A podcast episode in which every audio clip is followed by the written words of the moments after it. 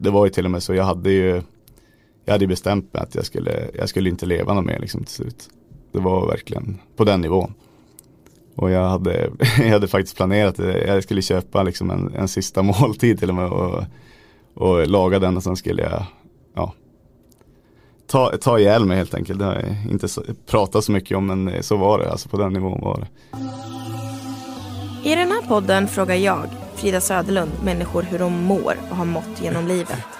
Här för att svara på det är artisten Emil Assegård. Emil, välkommen hit. Tack så jättemycket Frida. Hur mår du? Ja, om jag mår bra måste jag säga. Det är, en, det är en svår fråga det där för att man mår ju alltid bra på ett sätt och på ett sätt mår man inte alltid så bra så att det är, det är dubbelt. Men jag mår bra rent, eh, ja idag mår jag bra det måste jag säga. Har du ofta de där dagarna där, du, alltså där det verkligen är tvådelat? Ja. Att så här, jag mår dåligt men jag mår också bra. Ja men jag måste säga det. Alltså det kan ju verkligen vara att man vaknar på morgonen och mår skit och sen två timmar senare är man på topp. Så att det svänger väldigt mycket för mig måste jag säga. Men om du vaknar en sån där dag och ja. bara nu mår jag fan inte bra. Hur ja. gör du då för att liksom förändra det? Alltså om jag är snäll mot mig själv då går jag väl ut och går eller tränar eller någonting. För att det är ju absolut det bästa sättet ska jag säga. Att må, må bättre på.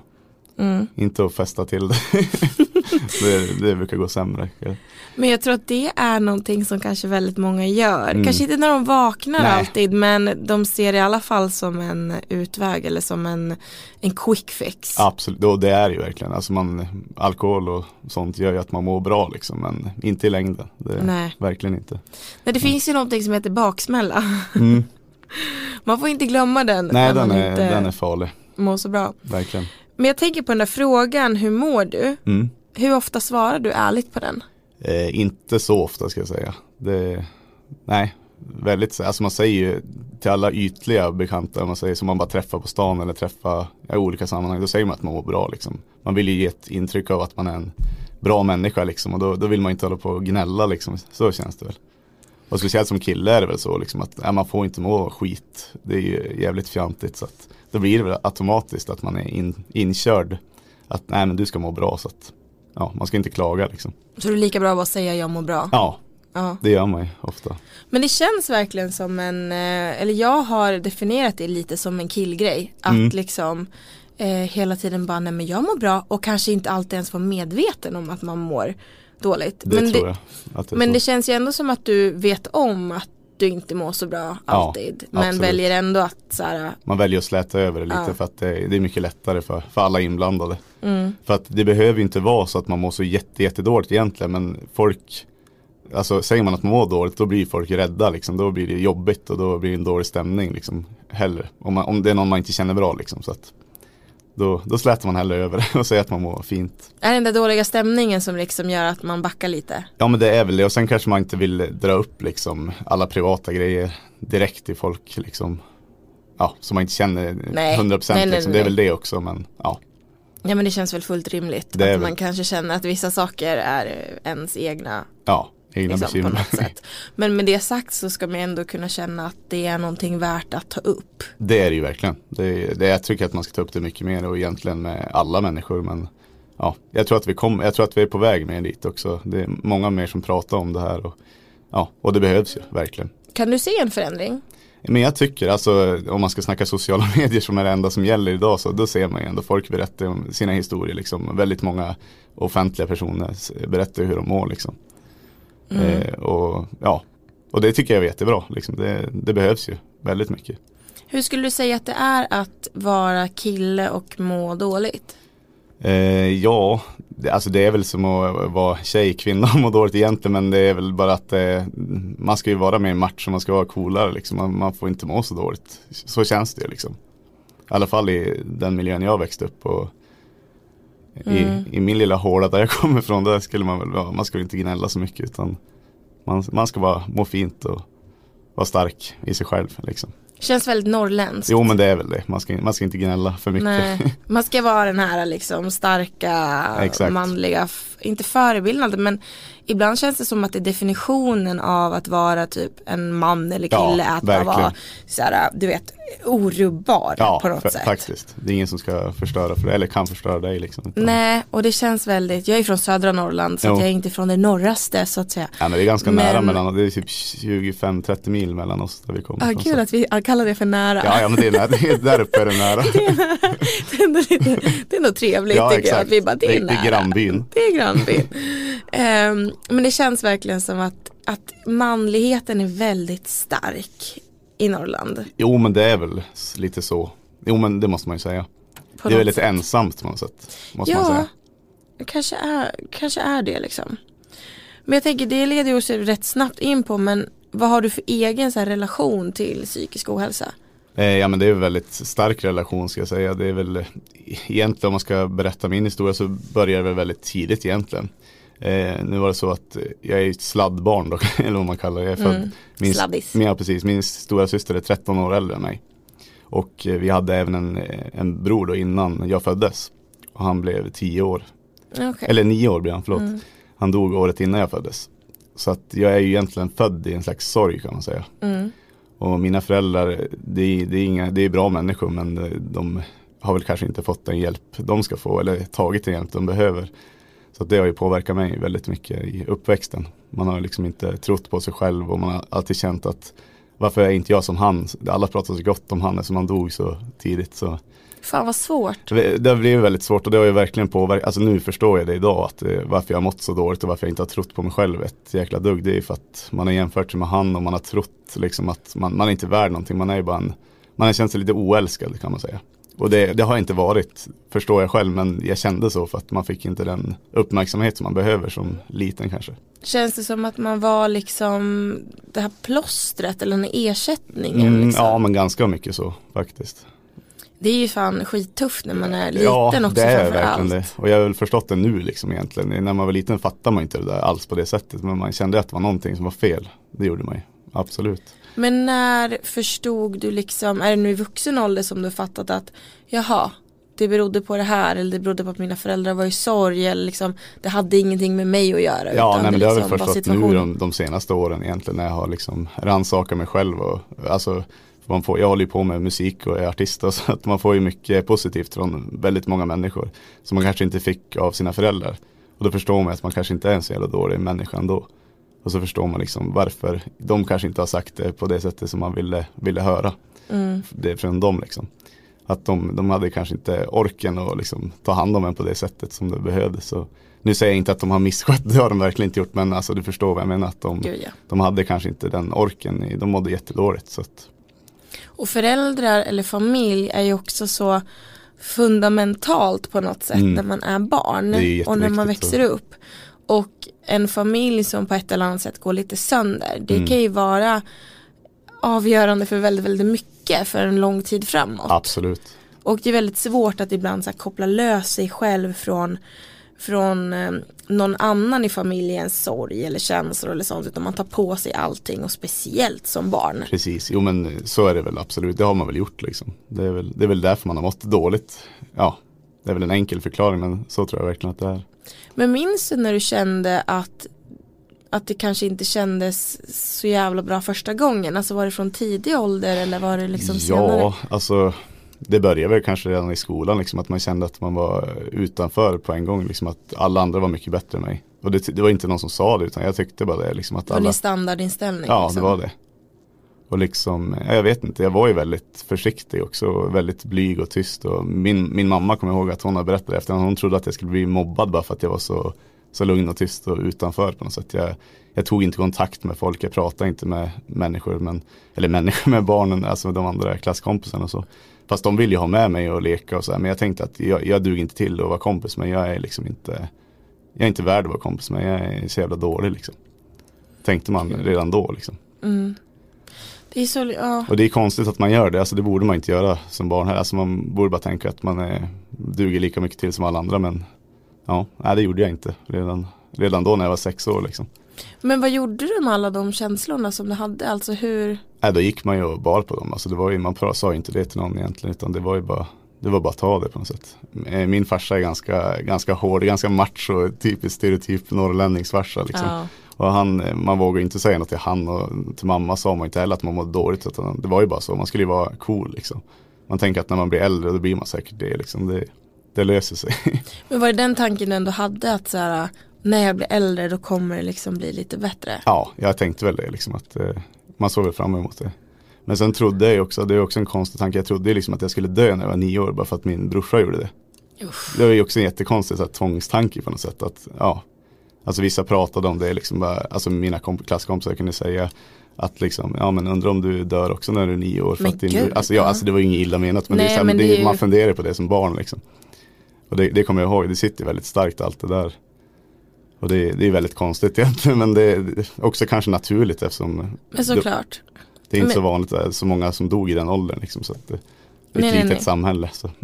Jag hade en vän, eller faktiskt en av mina absolut bästa vänner som dog just när jag var nio då och han var också nio. Just det. Och jag minns eh, det så tydligt än idag, Ja, vilket jag också behövt gå i terapi för, att liksom den dödsångesten som kommer när man är barn mm, är helt eh, ohanterbar. Ja. För att du, du förstår inte, döden ska liksom inte vara så påtaglig och barn ska liksom inte kunna dö. nej, nej men precis. Man blir helt ehm, Ja, det är en konstig grej. Konstig känsla. förändrad av det.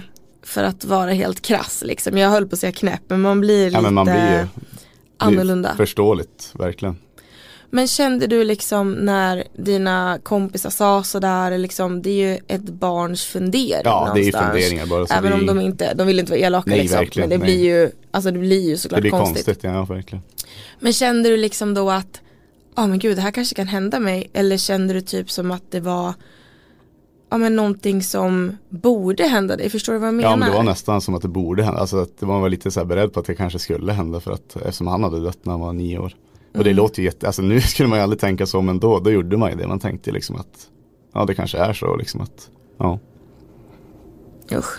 Mm. Och så Mm. kände man väl lite, det är ju aldrig någon som har sagt det av mina föräldrar eller släktingar. Men man kändes lite som att jag, jag skulle ju liksom inte finnas. Utan det var ju han som skulle finnas istället liksom. Ja, hade Lite. han funnits så hade du kanske inte varit Nej, exakt. Och lite så har man väl känt mycket att ja, det, det är fel på något sätt. Att jag, jag ska inte finnas här så jag ska inte ta någon plats heller. Liksom. Jag ska bara, ska bara vara tyst och lugn, liksom. inte vara i vägen för någon. Nej, glida med. Ja, Liksom. verkligen. Men när kände du liksom, alltså när jag tänker så här att ja, men du är nio år gammal och börjar fundera på om du också ska dö som din bror, vad du egentligen är värd och sådär. Mm. När tiden då gick och det blev väldigt tydligt att så här, du skulle ingenstans Nej. utan du liksom du. Ja, du finns kvar Mm. liksom. Hur utvecklades de här känslorna då som du hade? Ja, men då, då släppte man väl det där lite mer liksom. Det, det gjorde man ju verkligen. Då, då, man slutade väl fundera på det där efter ett tag såklart. Och man blev ju äldre och ja, eh, tänkte på annat såklart. Men det fanns väl lite kvar av den där dåliga känslan ändå. Men jag mådde väl ändå bra kan jag säga. Liksom, mellan 10 och 15, 16 mådde jag väl ändå så bra som man kan må då måste jag säga. Då var ändå livet på topp. Mm. Men jag tänker på det igen, liksom, har du kunnat prata med dina föräldrar eller andra om det här idag? Jo men det gör jag ju mer och mer och jag pratar absolut så här jättebra relation med mina föräldrar idag ska jag säga. Det är helt annat. Så att jag, jag önskar att vi hade en sån här relation när jag växte upp som jag har idag men det är ju liksom, det är inte deras fel, jag förstår att det har varit skitjobbigt för dem. Ännu jobbigare än för mig, på, säkert på många sätt men ja, det är skillnad att vara vuxen och vara barn också. Det är, det är två olika saker. Ja men det är det ju verkligen, alltså 100 procent. Mm. Men vad skulle du säga att liksom den där tiden när du liksom verkligen var, var ett barn som liksom Ja när man är barn, man ska ju du vet så här, man ska bara leka och du vet Ja. världen ska liksom vara helt ofarlig Ja. på något sätt. Hur skulle du säga att du såg på allting? Men jag, såg, jag var nog ganska deppig, alltså det var, jag såg nog det med ganska sorgliga ögon eller vad man ska säga. Det, jag såg nog kanske inte så mycket positivt liksom egentligen. Jag tänkte att det var ganska mörkt på något sätt. Mm. Och man funderade, jag tänkte väldigt mycket redan som barn också på allt möjligt. Vad, vad som kan hända och vad som, vad som händer när vi dör och vad som händer. Ja, väldigt, väldigt mycket sådana tankar. Som man kanske inte, ja det är många barn som tänker det såklart men det är, det är kanske inte så bra att man tänker så utan man ska ju bara ha roligt och lära sig saker. Ja och framförallt det tror jag inte att det är bra tanke, alltså bra tankar att gå runt och bära på när man är nio år gammal Nej. eller när man är ett barn överlag. Nej, och inte, inte. liksom kunna reflektera för man behöver ju en, en vuxens hand eller man Mm. behöver ju någon som säger att så här, nej men så här är det, du Ja. behöver liksom inte oroa dig utan Exakt. Det där hände din bror, det Mm. kommer inte att hända dig. Nej. Liksom. Man behöver nästan Nej, det den var- övertygelsen. Exakt, och det var ju aldrig någon som sa det och det var väl ingen som tänkte på att jag skulle tänka så heller, vilket jag verkligen förstår i efterhand. Jag, jag skulle inte tänka så om ett barn heller liksom i, idag, men, men så var det. Men hur var det hemma under den här tiden? Var det att det var väldigt alltså, alltså sorgset eller ledsamt eller tyst? Eller ja, liksom? nej men mina föräldrar bråkade väl mycket. De, jag antar att de anklagade varandra mycket för det som hände. Han, han, han dog i en trafikolycka, min bror då liksom.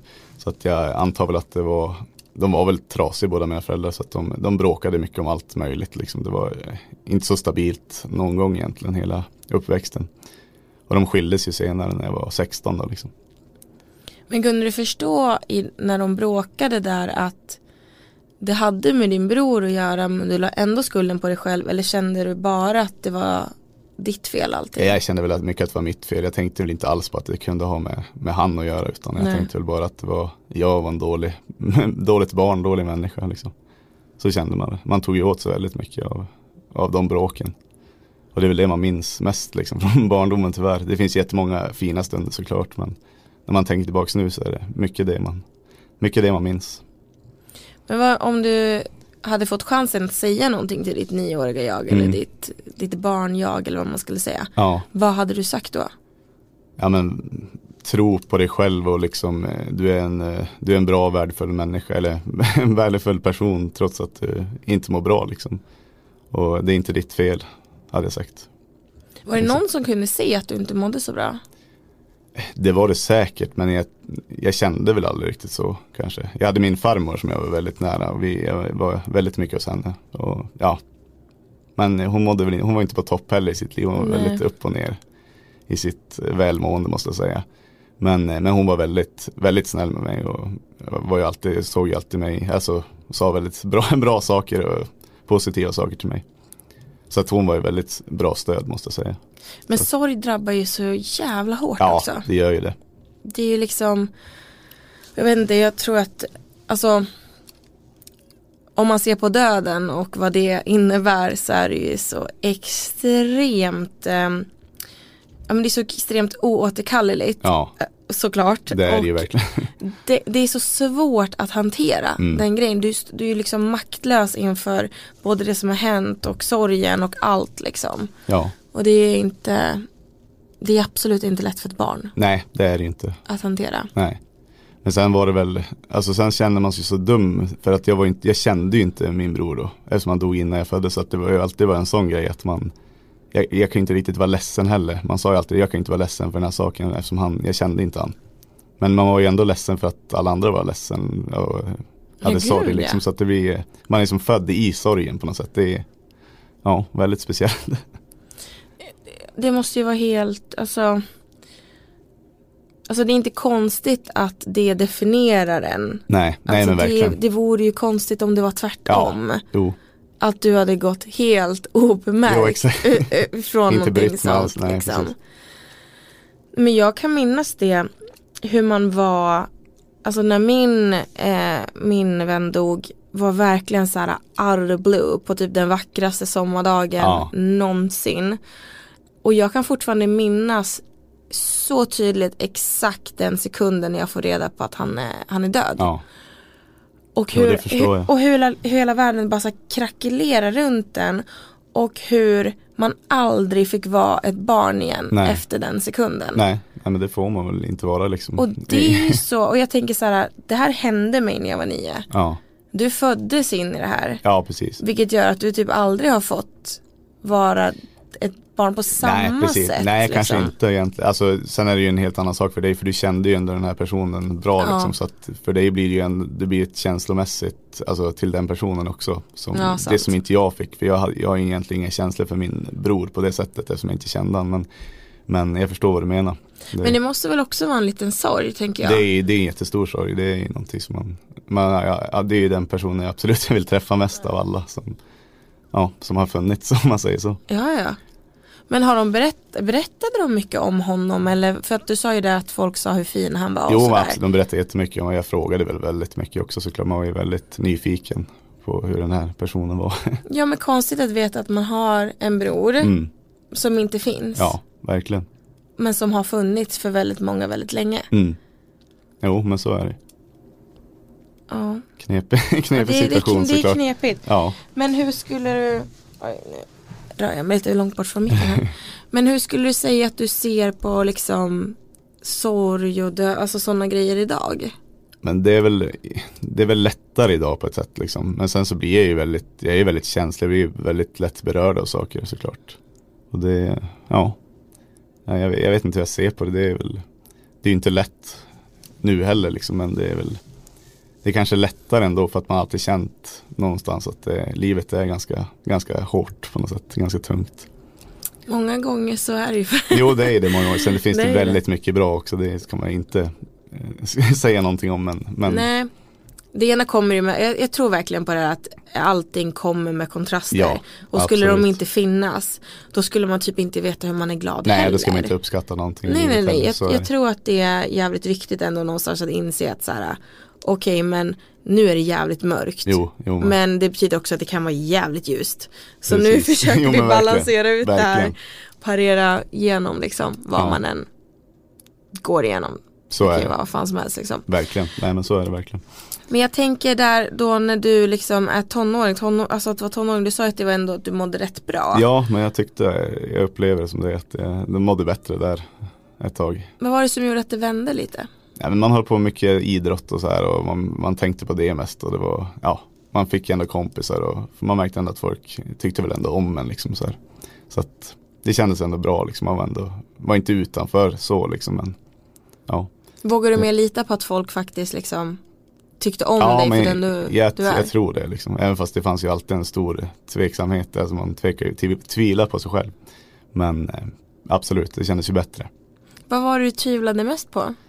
Men jag vet inte, alltså bara mig själv att nej men jag, jag duger inte riktigt till. Jag såg andra, jag, alla, det är jag fortfarande måste jag säga. Det, jag ser alla andra personer som mycket bättre och högre än mig. Liksom. Det kommer jag nog alltid göra, för det, det sitter så djupt i mig. Liksom.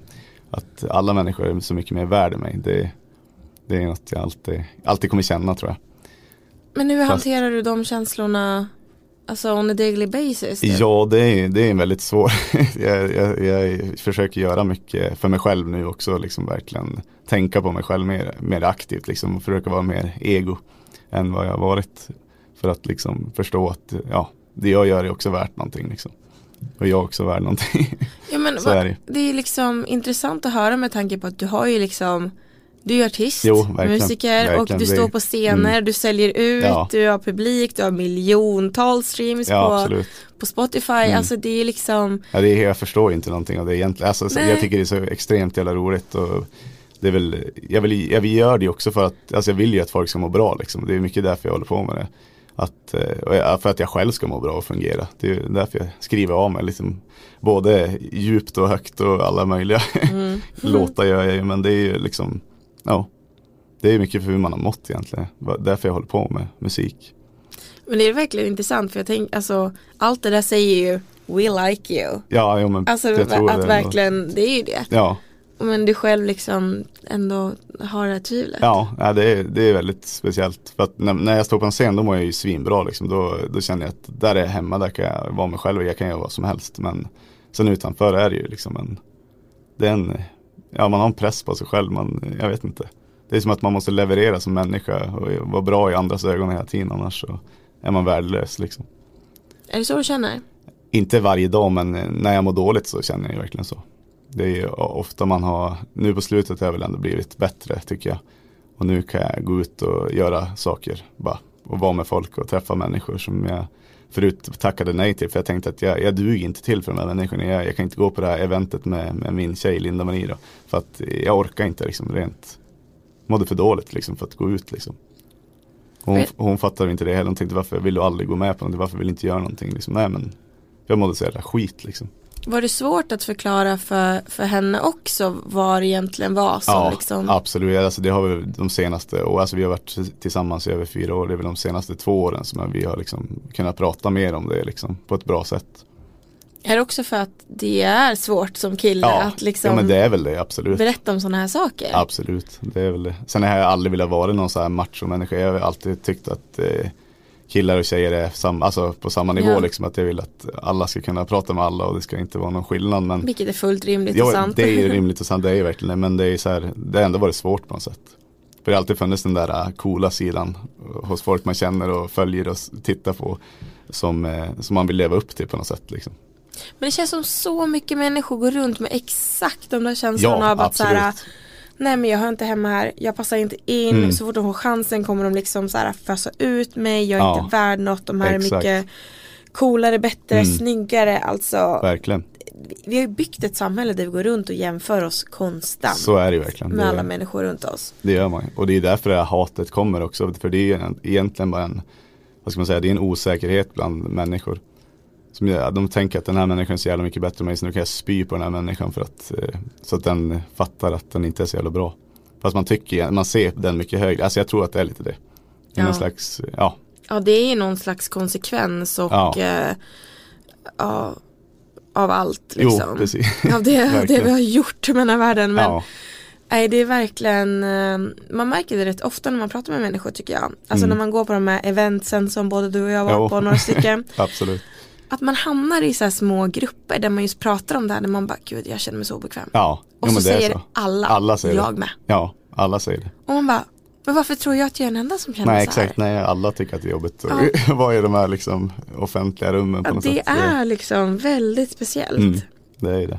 Att det är så. Och det låter ju så dumt också för att alla som tittar på publiken, Ja. liksom, eller följare och sånt, de tycker fan vilket härligt liv liksom. Jag vet och så blir det, bara- är det bara kaos egentligen. Ja, men det, det bästa är ju att när man först så är man lite obekväm och sen så hamnar man i de här små grupperingarna och så säger alla Gud, Ja. jag känner mig så otrygg typ. Exakt. och alla bara jag med Ja. och sen släpper det där. Ja, exakt. Jo, För då har man pratat om det Precis. och man känner sig inte ensam och sen kan man ha roligt. Exakt, ja men lite så är det Men faktiskt. det är ju verkligen så här, äh, ja, ja, det, det, är inte alltid som det ser ut. Nej exakt, nej verkligen. Nej, det är intressant det där faktiskt.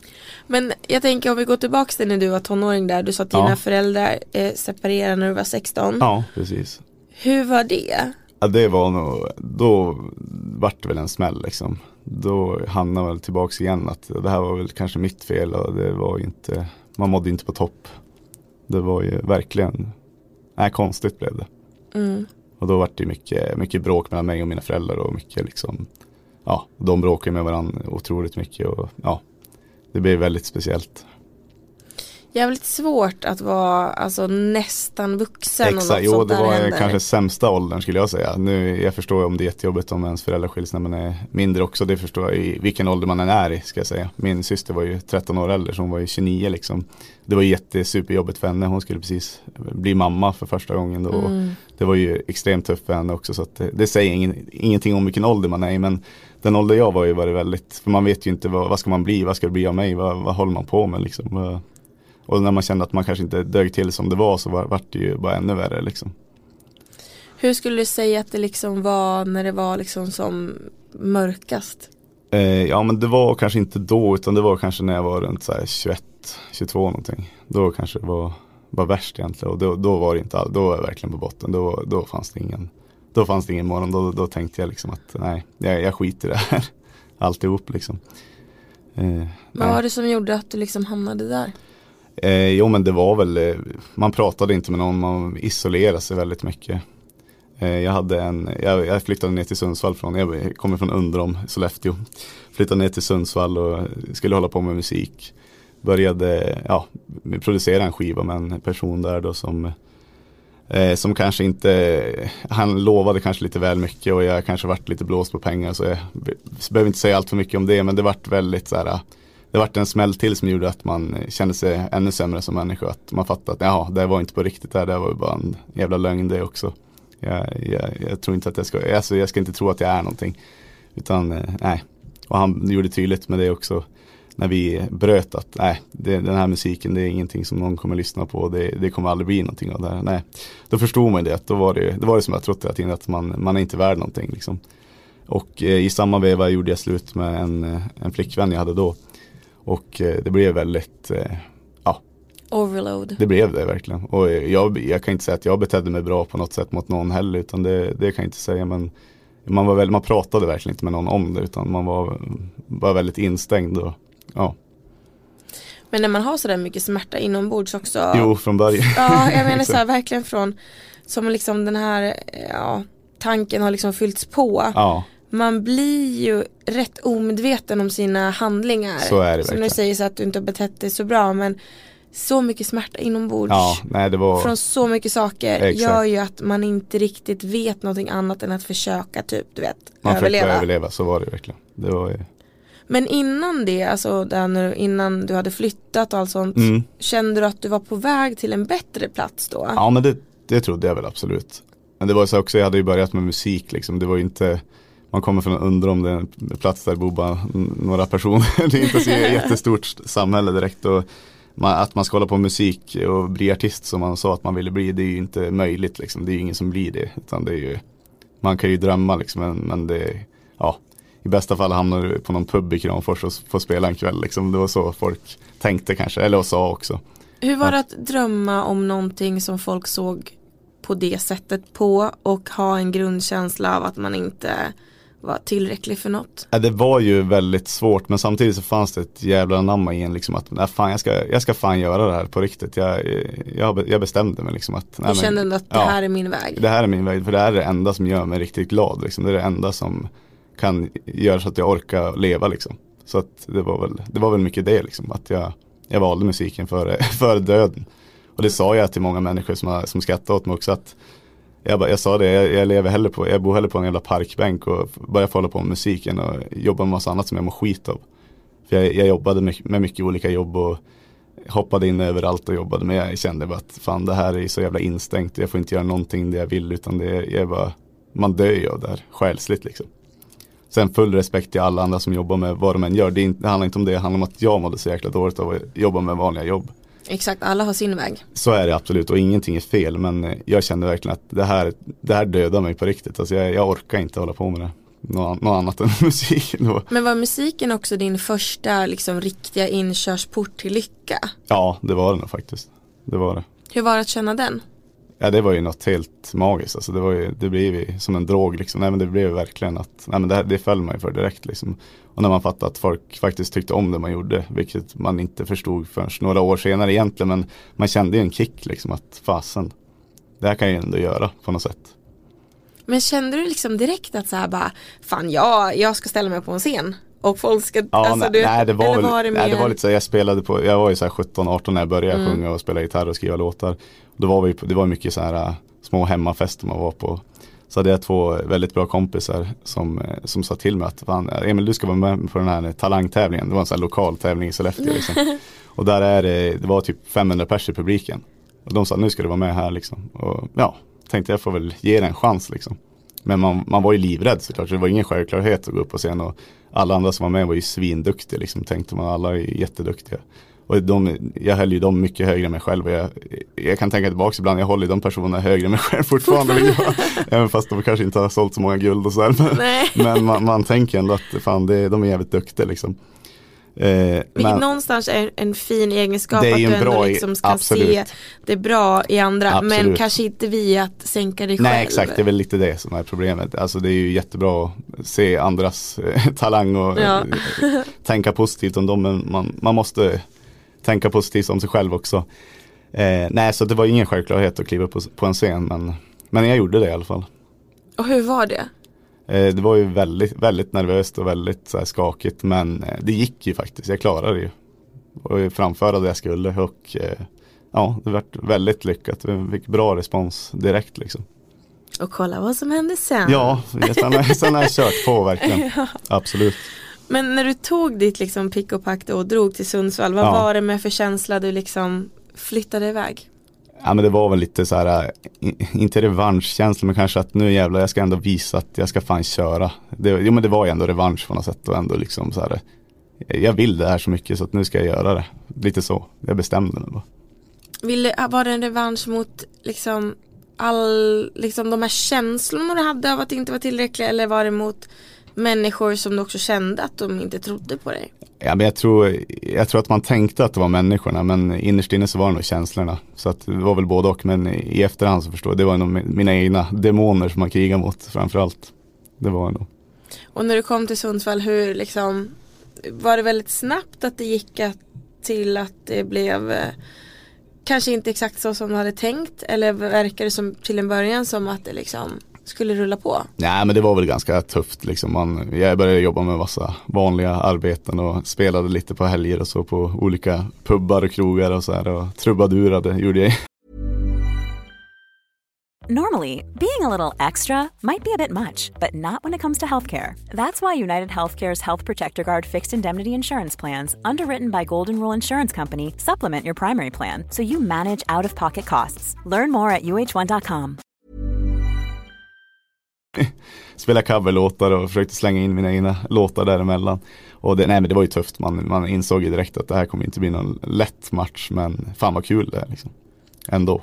Var det på de här All-Star, Oscars och vad hette Ja men de har ju här? spelat på absolut men, Klubbar. ja, men lite, lite allt möjligt och lite runt hela liksom Ångermanland och Västernorrland Mm. och så här. Så har man kört lite olika. Ja, Sundsvall. Jag bodde där ett och ett halvt år. Man har Ja. ju varit runt Ja det var runt in, lite grann. in på stan. Absolut. Ja. Men liksom hur, när kom du till den här punkten att den här personen du jobbade med liksom på något vis kanske knäckte allting? Eh, nej men det var ju, vi jobb, hade jobbat från 2011 till 2013 då liksom och eh, eh, nej men den personen peppade mig väldigt mycket hela tiden egentligen och jag, jag pumpade bara in pengar i det där, i allt både i studio och i liksom projektet jag höll på med. Och jag hade ju ingen koll, det var ingen, ingen av mina föräldrar eller min, min syrra eller någon visste ju någonting om musikbranschen. Alltså det är ju så här, man vet ju ingenting om det liksom. Ingen som jag känner hade på, håller på med det heller så att Nej den är lite knepig också. det är väldigt, väldigt knepigt och, och den här personen var väldigt övertygande och bra och väldigt bra på att snacka liksom. Så att man tänkte ju att nej, det här blir, det blir grymt liksom. Det var väl liksom då när jag ville bryta allting och kanske ville ha tillbaka lite av det jag hade lagt in i det här projektet som, som det framkom liksom. Att, ja, som jag blev lite knäckt och han kanske sa saker som man kanske inte menar egentligen men för att han vart förbannad att jag inte ville vara med något mer.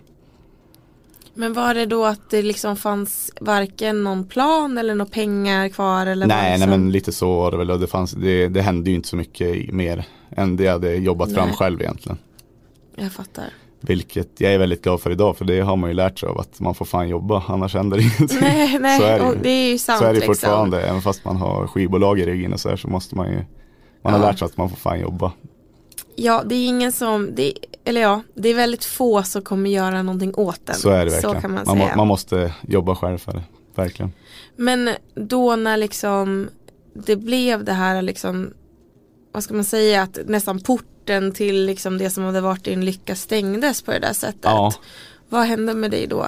Ja, men då gick jag ner i en väldigt liksom, mörk grotta kan jag säga och stängde in men nej men jag, jag, jag slutade dyka upp på jobben jag hade och jag, liksom, jag betalade inte räkningar. Jag gjorde, missade jättemycket så här i livet som, man, som en normal människa klarar av att göra. Liksom. Jag stängde in mig väldigt mycket. Och man drack väl en del och liksom man, vart så här, man tänkte att ingenting är värt någonting. Vad var liksom, hade du någon framtidstro eller var det bara Nej just då, alltså 2013 så hade jag väl ingen. Jag hade precis släppt eh, min första skiva då helt själv och allt så här och jag, jag kände att det, det, det här kommer inte hända någonting men man, det vart lite Ja lite små så man fick vara med i radio och, och göra lite små saker men det hände inte mycket liksom. Man hade väl trott någonstans eftersom den här personen hade snackat upp det så mycket som, så trodde man väl att det skulle rulla ganska bra liksom Men då insåg man ju liksom hur, hur verkligheten var att nej det är inte så lätt Det kommer kanske inte gå så bra det här liksom Vilka demoner fick du kämpa mot? Eh, ja, nej, men alltså ångest och jag menar, alltså, det var ju självmordstankar hela tiden hade jag då under våren 2013 egentligen. Det var ju verkligen, man ville inte kliva upp på morgonen, man ville inte gå och jobba. För vad ska jag göra det för? Vad spelar det för roll om jag drar in pengar när jag inte kan vara glad liksom och inte kan vara lycklig? Och ingen vill vara med en och man, ingen ser en typ. Så var det ju. Hur såg dina dagar, dagar ut liksom? Vad, alltså vad ägnade du Vad ägnade du dagarna åt? Det kanske är helt eh, fel nej, sätt att säga på det men Hur såg dagarna ut? Nej men jag, alltså de dagar jag jobbade så, jag, hade ett jobb där jag körde truck till exempel. Klev upp vid, ja, tidigt på morgonen och gick iväg och jobbade och ibland jobbade jag natt. Eh, när jag inte jobbade så typ drack man väl och skrev låtar liksom, det var lite så det var. Det var inte så att jag drack hela tiden men det kändes som det under en viss period så var det väldigt mycket. Det är ett enkelt sätt att bedöva Verkligen, smärta. det var ju Alltså, ver- verkligen så. Och man eh, trodde väl att det var någon slags utväg. Man mådde ju bättre då i, av det men ja, det vart ju bara var ju väldigt men, mörkt om man säger så. Hur lång skulle du säga att den här perioden var? Ja, vad ska jag säga, jag och eh, min exflickvän vi gjorde slut då i januari och från januari till eh, kanske april, maj någonting. Mådde riktigt dåligt. Och, eh, eller juni kanske till och med 2013. Eh, det var ju till och med så jag hade ju jag hade bestämt mig att jag skulle, jag skulle inte leva något mer liksom till slut. Det var verkligen på den nivån. Och jag hade, jag hade faktiskt planerat. Jag skulle köpa liksom en, en sista måltid till och med och, och laga den och sen skulle jag ja, ta, ta ihjäl mig helt enkelt. Det har jag inte pratat så mycket om men så var det. Alltså på den nivån var det. Att jag, jag ville verkligen inte leva något mer för att det, eh, det kändes bara skit. Allting egentligen. Det var väldigt, väldigt dåligt allting. Och ändå så sitter du här idag så någonting gjorde ju att du ändå liksom Ja, jag ska säga det, så, det var ju så här. Jag bestämde, alltså jag hade inte bestämt det på morgonen när jag klev upp men jag skulle spela på min, min systers eh, barn gick på en förskola och eh, de ville att jag skulle komma dit och spela några låtar liksom för de hade avslutning. Och då kände jag väl så här, ja men vad, vad kul att de vill att jag ska vara där. Men samtidigt kände jag så här, det är ju inte här jag vill vara. Jag vill ju vara någon helt annanstans och göra något helt annat. Det, ju, det var ju det som var planen. Man, hade ju, man tänkte ju väldigt högt att det skulle gå lätt liksom. Och så kände man väl lite när man hade varit där och spelat att fan, nej. Man, man fick, jag fick en panikångestattack tror jag. Liksom jag. Jag bestämde mig där då att fan, är det det här jag ska sluta som då, då är det inte värt, inte värt att leva liksom. Så att eh, jag åkte på ICA Maxi, kommer jag ihåg. Ja, det kommer ihåg skittydligt. Jag, hade, alltså, jag var helt så här, förstörd liksom. Tänkte bara att nu ska jag fan köpa en dyr jävla middag liksom. Jag köpte typ oxfilé, så här, dyrt och allting. Så det ska jag laga till, sen ska jag fan, och sen ska jag ta ihjäl mig på något, på något vänsters. Eh, nej men jag skulle, jag skulle skära mig själv då tänkte jag liksom. Alltså jag vet inte hur jag tänkte. Alltså det var väldigt, väldigt oklart. Men, du ville bara inte? Jag ville bara inte leva något mer utan jag, jag kände liksom att, nej nu, nu, nu gör jag det här. Så jag gick in där eh, ironiskt nog liksom och handla svindyr mat liksom. Man hade ju inte mycket pengar alls då egentligen så att det var ju, man, man brände det man hade typ på, på käk. Och eh, ja, skulle gå och betala i kassan, du vet man har en panikångestattack, man, man är inte medveten om vad man gör liksom. Man, man är bara jättestressad och förstörd liksom egentligen. Eh, gick fram till kassan och skulle betala och då är det någon som knackar mig på axeln så här, när jag står i kassan. Och eh, då är det en mamma till en av barnen som var på den där eh, förskoleavslutningen som jag spelade på. Som verkligen bara, men gud vad du är duktig. Alltså jävlar vad du är bra liksom. Fan vad, vi tycker om dina, dina låtar jättemycket och så här.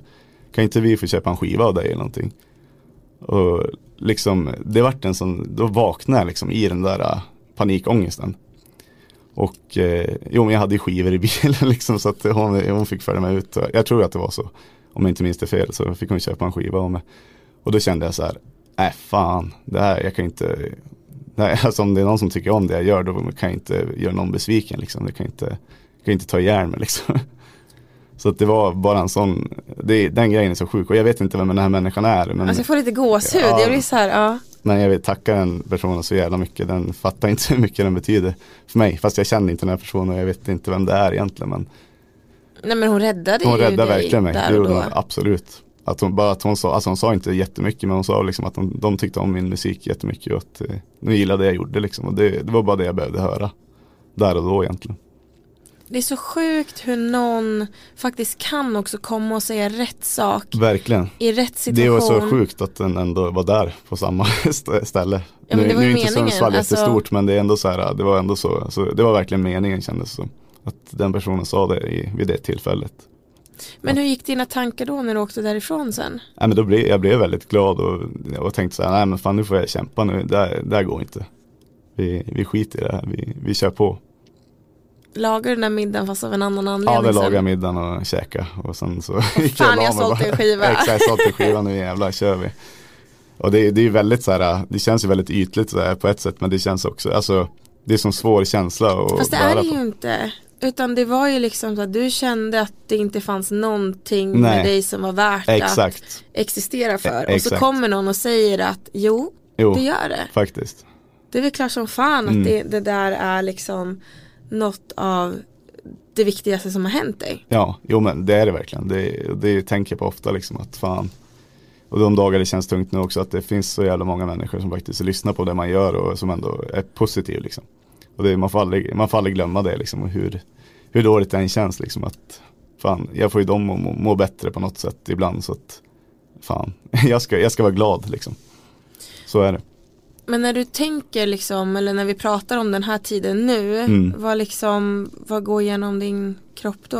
Nej men jag tänker väl lite att hur kunde jag vara så dum, hur kunde jag inte se att jag var värd mer än, än så liksom. Det är väl, det är väl de tankarna framförallt att man, hur kunde jag inte fatta att det fanns ett bättre liv liksom. Men det är svårt att vara sin Ja, egen bästa vän. Det är ju väldigt, verkligen väldigt det. svårt det är det för alla. Och man behöver ju någon som knackar en på axeln ibland och säger så här, you're worth it. Exakt. Alltså så här, Skärp till det. vi behöver dig här om det så är för din musik Exakt. eller för att du är världens bästa människa Ja, eller eh, bror eller vad som helst. Liksom. Så här, Ja. vi, du måste stanna här. Ja, Liksom. ja men så är det ju. Men du sa ingenting till någon om hur du mådde? Eh, nej, det? inte så, inte på den nivån. Jag sa väl att jag kanske inte var på topp, men jag berättade väl in- inte så djupt. Det där, det där berättade jag inte för någon på flera år liksom efter. Det kanske är Linda Maria sagt det till liksom efter. Ja, det är några vänner som vet om det såklart, men jag har väl inte be- berättat det liksom så, så allvar, eller så djupt liksom som, som det var. Kanske. Jag har märkt det nu av att prata väldigt mycket med, med killar som jag både känner och inte känner och så här att det är väldigt, väldigt många som eh, dras med just självmordstankar. Ja, jo det är ju faktiskt fler män som tar Ja, ja. livet av sig. Enligt, stats- Enligt allting finns ju statistiken, på ja, papper precis liksom. så är det. Och det är så himla sorgligt att veta men att samtalet inte riktigt finns. Nej, verkligen. Så att, nej, det är jättebra att, att du tar upp det verkligen. Det, Ja det, nej, men det gud, alltså jag är verkligen, eh, det är ni som är liksom hjältarna i den här Ja, nej, storyn men- liksom. nej, det, Som vågar säga någonting. det är ett viktigt ämne verkligen. Men jag tänker så här, det sitter ju säkert någon kille där ute som har känner eller har känt precis som du. Alltså jag är inte värd ett jävla skit. verkligen. Liksom. Det, Vad, vad skulle du vilja att den personen visste om eller alltså får veta nu som du kanske aldrig fick där och då? Förrän någon knackade dig på ja, axeln. nej men verkligen. Nej, men, och det är ju extremt svårt att säga åt. Alltså, jag, det är ju många som skriver till mig och eh, säger att de kanske inte mår så bra. Det är faktiskt väldigt många som öppnar upp sig för mig. Eh, och till dem säger jag bara att alltså, det låter ju så klyschigt liksom, men man, man duger verkligen som man är. Och kämpa med dig själv och säg åt dig själv att du är en bra människa. Och eh, kämpa för att nå dit du vill. Och sök det där jobbet du inte tror att du kan få. Gör, utmana dig själv liksom. För det tror jag är väldigt bra. Och istället för att fästa bort sitt liv att man försöker utmana sig själv liksom, med det man vill göra. För det är, det är lätt att kasta bort många timmar på skit liksom. Visst kan man ha väldigt kul med festandet också, det kan man, det har jag haft jättemycket glädje av också men Ja men, det är ju när man gör av rätt anledning. Exakt, verkligen. Liksom. Inte det här destruktiva utan eh, försök utmana dig själv och bli en bättre människa för dig själv och för de du har i ditt liv liksom. Det tror jag är en, en bra grej att gå efter. Önskar du att du hade pratat mer? Verkligen, det, det önskar man. Absolut, det skulle man, skulle man ha gjort. Man skulle ha berättat mycket mer för folk hur man mådde och kände. Och med det sagt, alltså, så här, det, är ju, alltså det är svårt. Ja, ja. Alltså det är inte lätt. Och speciellt inte när man är i någonting. Nej, Man vet ju varken ut eller in och man vet inte liksom Man litar ju inte alltid riktigt på sig själv det gör man inte, nej. I det läget Så är det. och sådär Men hur skulle du, hur skulle du säga liksom att tiden efter det här liksom utspelade sig? Kom de där tankarna så här flyktigt sen eller var det liksom Ja men ibland, det kommer ju och det kommer ju väl ibland nu också, inte att man kanske vill eh, ta livet av sig men det kommer ju liksom de här att ja men du är inte så jävla bra och du duger inte till. Det kommer ju fortfarande såklart men det är lättare nu att jobba med det för att nu vet man varför man mår så dåligt och man får bara försöka liksom jobba bort det. Då går man och tränar eller går ut och går lite eller pratar med någon kompis eller så här. Promenad är fan en bra Promenad är grej grymt, det är fan Frisk det bästa. luft. Verkligen. Är jävligt bra Liksom efter 20 minuter så tänker du så jävla mycket mer positivt. Det är bara bränn på lite. Ja, och även på en, alltså, en dag där typ regnet står Ja, som spön. Det kan verkligen. nästan vara lite skönt. Det kan vara Man bara riktigt gött. Och bara spolas lite liksom Verkligen. fritt. Men jag tror att många kan vara lite så här, eller jag, jag kan vara så själv så här, man har ju sina issues och jag nämnde precis innan att jag går i terapi och sådana saker. Ja. Att jag kan få de här bakslagen av att så här, ibland kan jag må så jävla, jag kan vara så stabil Ja. i min, med mina problem. Verkligen. Och sen kan jag få det här, du vet den här, det här backlashet Allting som gör att jag bara och, och då tror jag att allt är liksom förgäves och du vet så här Ja. att jag bara nej nu är jag tillbaks eller jag är kvar på den här platsen jag trodde att jag liksom hade tagit mig ur liksom. Verkligen. Kan du ha sådana dagar också? Absolut, ja, men det, det händer ju lite då och då såklart. Och, men då får man verkligen bara ta tag i sig själv och tänka att nej men jag är ju inte där utan jag är ju på en helt annan plats. Det är bara det att just nu så, så kommer det här tillbaka och då får, jag, då får man bara försöka tänka att nej, men jag är ju inte den människan jag var då. Jag mår ju mycket bättre. Och eh, nej, jag ska inte tänka så om mig själv. Och det är lätt att sitta och säga det just på två sekunder nu men det, är, ju- det tar ju, men man får liksom Men det finns ju ändå där någonstans. Exakt, Liksom. men man får liksom bara försöka och acceptera att ja, men just idag mår jag lite sämre men hur ska jag göra för att göra det så bra som möjligt ändå. Jag, jag får ha en dålig dag men jag får ändå liksom, jag får, får försöka göra det bästa av den här dåliga dagen. Liksom. Men där när det var liksom svinmörkt och du kände att så här, det här är inte värt någonting. Nej. Och så kommer hon och knackar på din axel Ja. och ber om att köpa en skiva och din liksom lyckoport någonstans liksom är tillbaks och, Ja. och öppen sådär. Verkligen. När tog det sen ny fart med musiken? Alltså vad gjorde att du ändå så vågade återigen så här bara investera och köra? Ja, nej men det var väl så att jag, jag började, jag spelade massa liksom den sommaren då efter det där och eh, jag tog på mig allting som jag fick. Alla förfrågningar som dök upp och jag försökte få spela på så mycket grejer som möjligt och märkte väl att folk blev glada av det jag gjorde och det känns bra liksom. Det var väl lite dippar däremellan men det ändå det kändes bättre på något sätt. Det var eh, mer positivitet. Sen var det, hände det en väldigt konstig grej på hösten där 2013 också som har betytt väldigt mycket också. Det var en eh, det var så det var en kille som lyssnade på min musik väldigt mycket redan då och eh, som gick bort där. Han, eh, han dog i en trafikolycka. Och jag kände inte den här personen men, eh, men hans mamma hörde av sig några dagar efter han hade gått bort och eh, frågade om jag ville spela på begravningen. Oj. Och det var så här, hon var så klar liksom när hon ringde, det var liksom inga konstigheter. Hon frågade bara om det var jag som var Emil, om jag, äh, hon berättade om sin son då som lyssnade på min musik. Att hade, han hade gått bort. Och eh, ja, frågade om jag ville ställa upp och spela och jag tackade ja direkt liksom egentligen. Och eh, vi, vi hittade ingen bra låt till det här som passade så att eh, det blev så att jag skrev en låt till honom då. Jag skulle aldrig våga göra det nu men, men då gjorde jag det av någon anledning. Jag fick läsa allt folk hade skrivit om honom och till honom och hur han var som människa. Vi gick i, pratade med hans familj vä- väldigt mycket. Och eh, i, i samband med det där då blev det att jag blev väldigt bra, jag fick väldigt bra kontakt med de här människorna då, och eh, eh, hans mamma då, och vi är väldigt, väldigt bra vänner idag och har en väldigt fin relation och det var ju sådana här, verkligen, och de, det var sådana människor som eh, verkligen lyfte upp mig också. Eh, De fick mig att förstå att man kanske var värd lite mer än, än, än vad man trodde då. Att, Ja det betyder ju väldigt mycket för någon. Ja, verkligen. Och det, det, det blev en så, det blev också liksom en, ja, vad ska man säga, en dörröppnare. Men att man fattar att man, man kanske är värd lite mer än vad man förstår. Eh, eller tycker om sig själv då. Finns den låten ute eller är det någon som Nej, det finns inte släppt, nej men det finns på YouTube finns det. Vi ses igen heter låten. Ah. Eh, och eh, ja, men det blev bara som en sån liksom, då kände jag att fan jag kan väl verkligen göra någonting med min musik ändå. Alltså, folk kan ändå må bättre på något sätt av, av det jag gör. Så att, Kändes det någonstans så här extra känslomässigt laddat för dig eftersom din bror också hade gått jo men en- precis, det var väl lite så, jag kände väl att jag ville ge någonting tillbaka där, eller jag ville liksom göra något ändå för dem. Liksom, för jag fattade någonstans hur det kändes för dem eftersom mina föräldrar och min syster haft ett rent helvete med det. Och liksom, så ville jag väl ge tillbaka någonting och göra dem glad kanske, eller gladare, eller ja, få dem att må lite bättre för stunden i alla fall. Ja musik är ju en läkande kraft Det är ju på det, jättemånga verkligen. sätt. Verkligen. Det är det verkligen. Inte bara så för den som faktiskt kan utöva det som du. Ja, men Utan även för oss som bara kan lyssna. ja, ja. Jag, tror att, jag tror att du kan utöva det också. Ja. Nej, det kan jag verkligen inte. Jag är väldigt, eh, det känns väldigt fint att du säger så. Men jag kan inte. Nej, men- Jag blev utkastad från pianolektionen när jag var, inte utkastad men hon frågade verkligen om jag inte skulle prova någonting annat. Just det, ja. Men Men I want to, I love music, det är det. ja, nej, men absolut. Jag får hålla mig till det. Men jag tänker där också liksom när eh, en sån sak händer och så liksom Har det varit, alltså Förstå mig rätt men det känns som att väldigt mycket saker har hänt dig. Ja, På absolut. alltså förstår du vad jag menar? Alltså, Konstiga så här, sammanträffande har ju Ja. verkligen hänt. Absolut. kon, alltså konstigt men det är liksom Det är mycket eh, små liksom och större Ja, verkligen absolut. trauman som liksom kommer och Ja, liksom ta sig in i ditt liv så är det på verkligen. något sätt. Ja.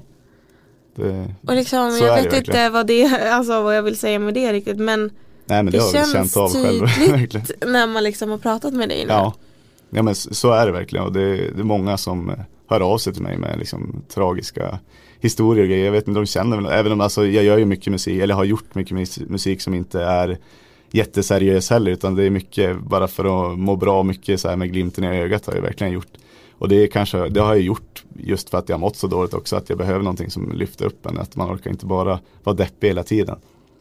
Och det är väl, jag tror folk har sett igenom det också att de är, visst många tror att jag är helt sjuk i huvudet och helt oseriös men men eh, många förstår och ser också igenom det och fattar att det finns någon ganska känslig person där bakom som eh, ja, inte alltid har varit på topp utan han förstår oss vanliga människor liksom. Jag tror att det är det, det som är grejen med min musik och det jag gör liksom. Att Ja, Men jag tror det verkligen når det. ut till mycket, mycket människor och folk Ja. sprider det själva liksom.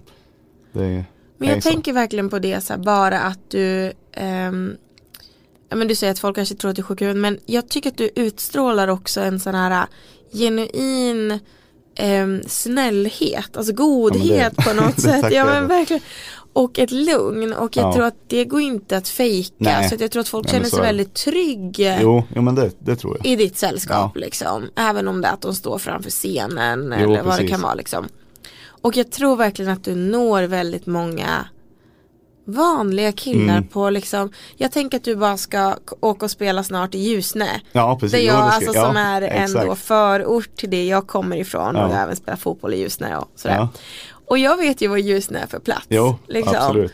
Och i Ljusne pratar man inte om hur man mår. Nej, alltså, du nej vet, såhär, precis. och de killarna tror jag verkligen behöver liksom en, någon som du. Ja, ja men det, det tror jag. Fan det som kan ge faktiskt. lite glädje från scenen och som man också kan lyssna på och höra liksom att Okej det kan inte vara så, ibland är det inte så jävla lätt Nej. men det går också att överleva det. Precis, nej men så, så tror jag verkligen att det är och det är jag jätteglad över. Det är ju faktiskt väldigt många, många män och killar, alltså i olika åldrar som hör av sig och berättar att li- livet är inte så jävla bra alla dagar men liksom tack för att du ändå försöker sprida någon energi och glädje liksom och det, det betyder ju svinmycket att de, att, det, att de känner så liksom. Och det är fan inte lätt för någon. Nej, och ändå känner man så ensam Ja i det. verkligen, det är det som är så sjukt för att jag tror att de flesta, alla kanske inte vill ta livet av sig men många mår ju väldigt dåligt. Alltså det tror jag nästan alla människor gör, i alla fall under någon period i sitt liv. Önskar du att någon hade och nu menar jag inte att vi ska lägga skuld på andra Nej, nej, människor men ibland känns det som att om en person mår dåligt så Ja. trippar vi lite på tå runt Ja. dem för att vi är rädda att de ska må lite sämre Absolut. så vi vågar typ inte grabba tag i dem och bara hur mår du? Eller funderar du på att liksom ta ditt Ja. liv? Vad, vad går runt i ditt huvud? Orkar du inte mer? Exakt. Vad, för man liksom behöver ju oftast i den stunden någon som säger jag hjälper dig. Ja, exakt. Men ibland vågar vi själva inte ge den Nej. hjälpen för att vi är rädda att förvärra det. Verkligen. Men hade du önskat att någon hade ryckt tag i dig? Eh, Ja, men det, det hade jag väl absolut gjort. Men sen så, eh, jo, det hade jag nog önskat. Men samtidigt så kan jag inte, jag kan inte blamea någon för Nej, det. För nej, att nej. det är liksom, jag, jag utstrålar inte att jag mådde så dåligt som jag gjorde. Utan jag sa ju att allting var bra liksom. Så att jag förstår ju verkligen folk att det Man är bra på att fejka. Man är jävligt bra på att fejka sånt där. Så att, så att Ja. jag förstår ju verkligen att, ja. Ja, du vet säkert själv. Ja, ja men gud man håller den här lå- lågan uppe Man- så ofta. Ja, verkligen. Nej men också tror jag så här att speciellt som kille Ja, att man ändå så här, du vet verkligen det ska vara så jävla stabilt. Ja. Och så är det bara. mm. Det är någonstans liksom typ lite okej och förväntat att du som tjej ändå ska krackelera lite. ja kanske. Så liksom du har närmare till tårar Precis. och känslor och liksom Men som kille ska du bara resa dig upp och borsta bort gruset från knäna. Exakt, verkligen. Vilket är bullshit. Jo, jo men så är det. Det är för fan ju lika ont för vem som Det helst är att lika ramla och ont för skrapa alla knäna. verkligen. Alltså, så, är, så är det. här, alltså jag, blir, jag kan bli galen på den grejen. Ja, ja.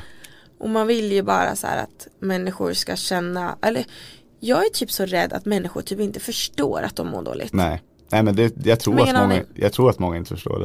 Det tror verkligen. inte jag heller. För att det är så lätt att trycka undan det där.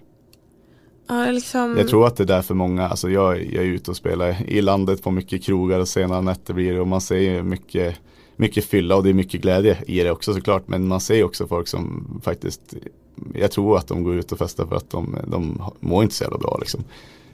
Och nej men man ser det, jag tror att de verkligen trycker undan det genom att festa och leva det livet liksom. Vilket, alltså jag ser, jag ser ju verkligen inte ner på, jag menar bara att jag tror att många gömmer det liksom. De jobbar Gud, ja. stenhårt, de jobbar stenhårt för att sli- slippa tänka, sen så går de ut och roar sig på helgerna.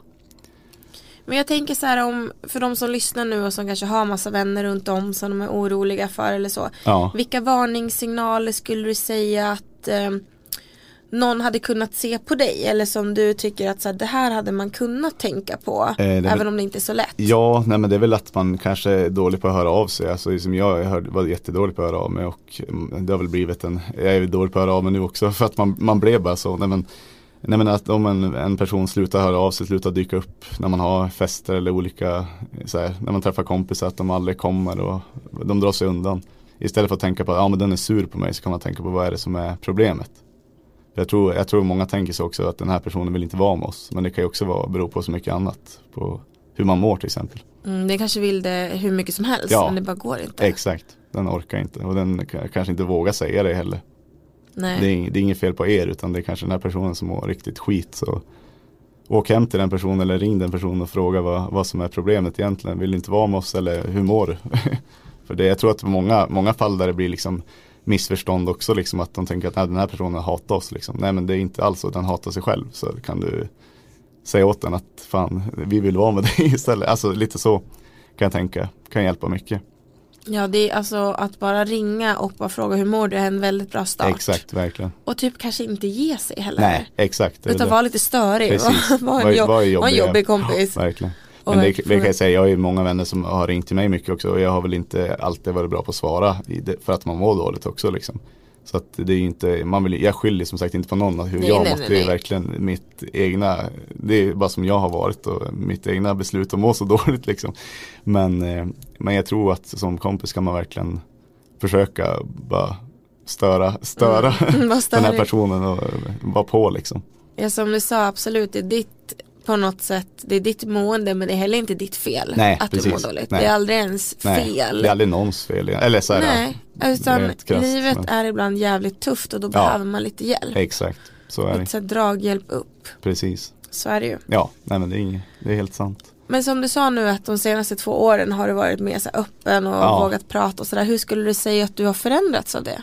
Eh, nej men jag har väl, det blir väldigt positivt för mig själv då, liksom att man förstår ju att man, eh, man kan ta plats, man kan eh, vara med på olika, i, olika sammanhang utan att eh, man är inte, man förstör inte för någon utan du, det, folk vill faktiskt att du ska vara med och ja, men man mår ju mycket bättre i det såklart. Det gör man ju. Men har din den där osäkerheten du vet att man är så här bara Får jag vara med eller inte funnits även då när du liksom har mått rätt bra?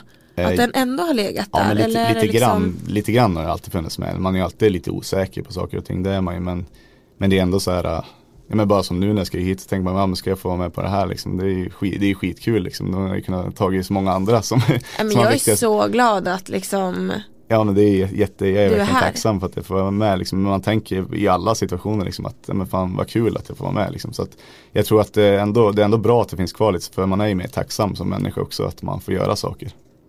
Ja och det är Så. alltså som sagt det är ju en fin alltså, Ja en men jag tror, jag tror att det är bra ändå på något sätt. Samtidigt som att man ska också kunna som du sa innan, bli lite mer ego och Exakt. våga liksom se sig själv också för de här alla Ja. positiva sakerna Jo men så är det ju.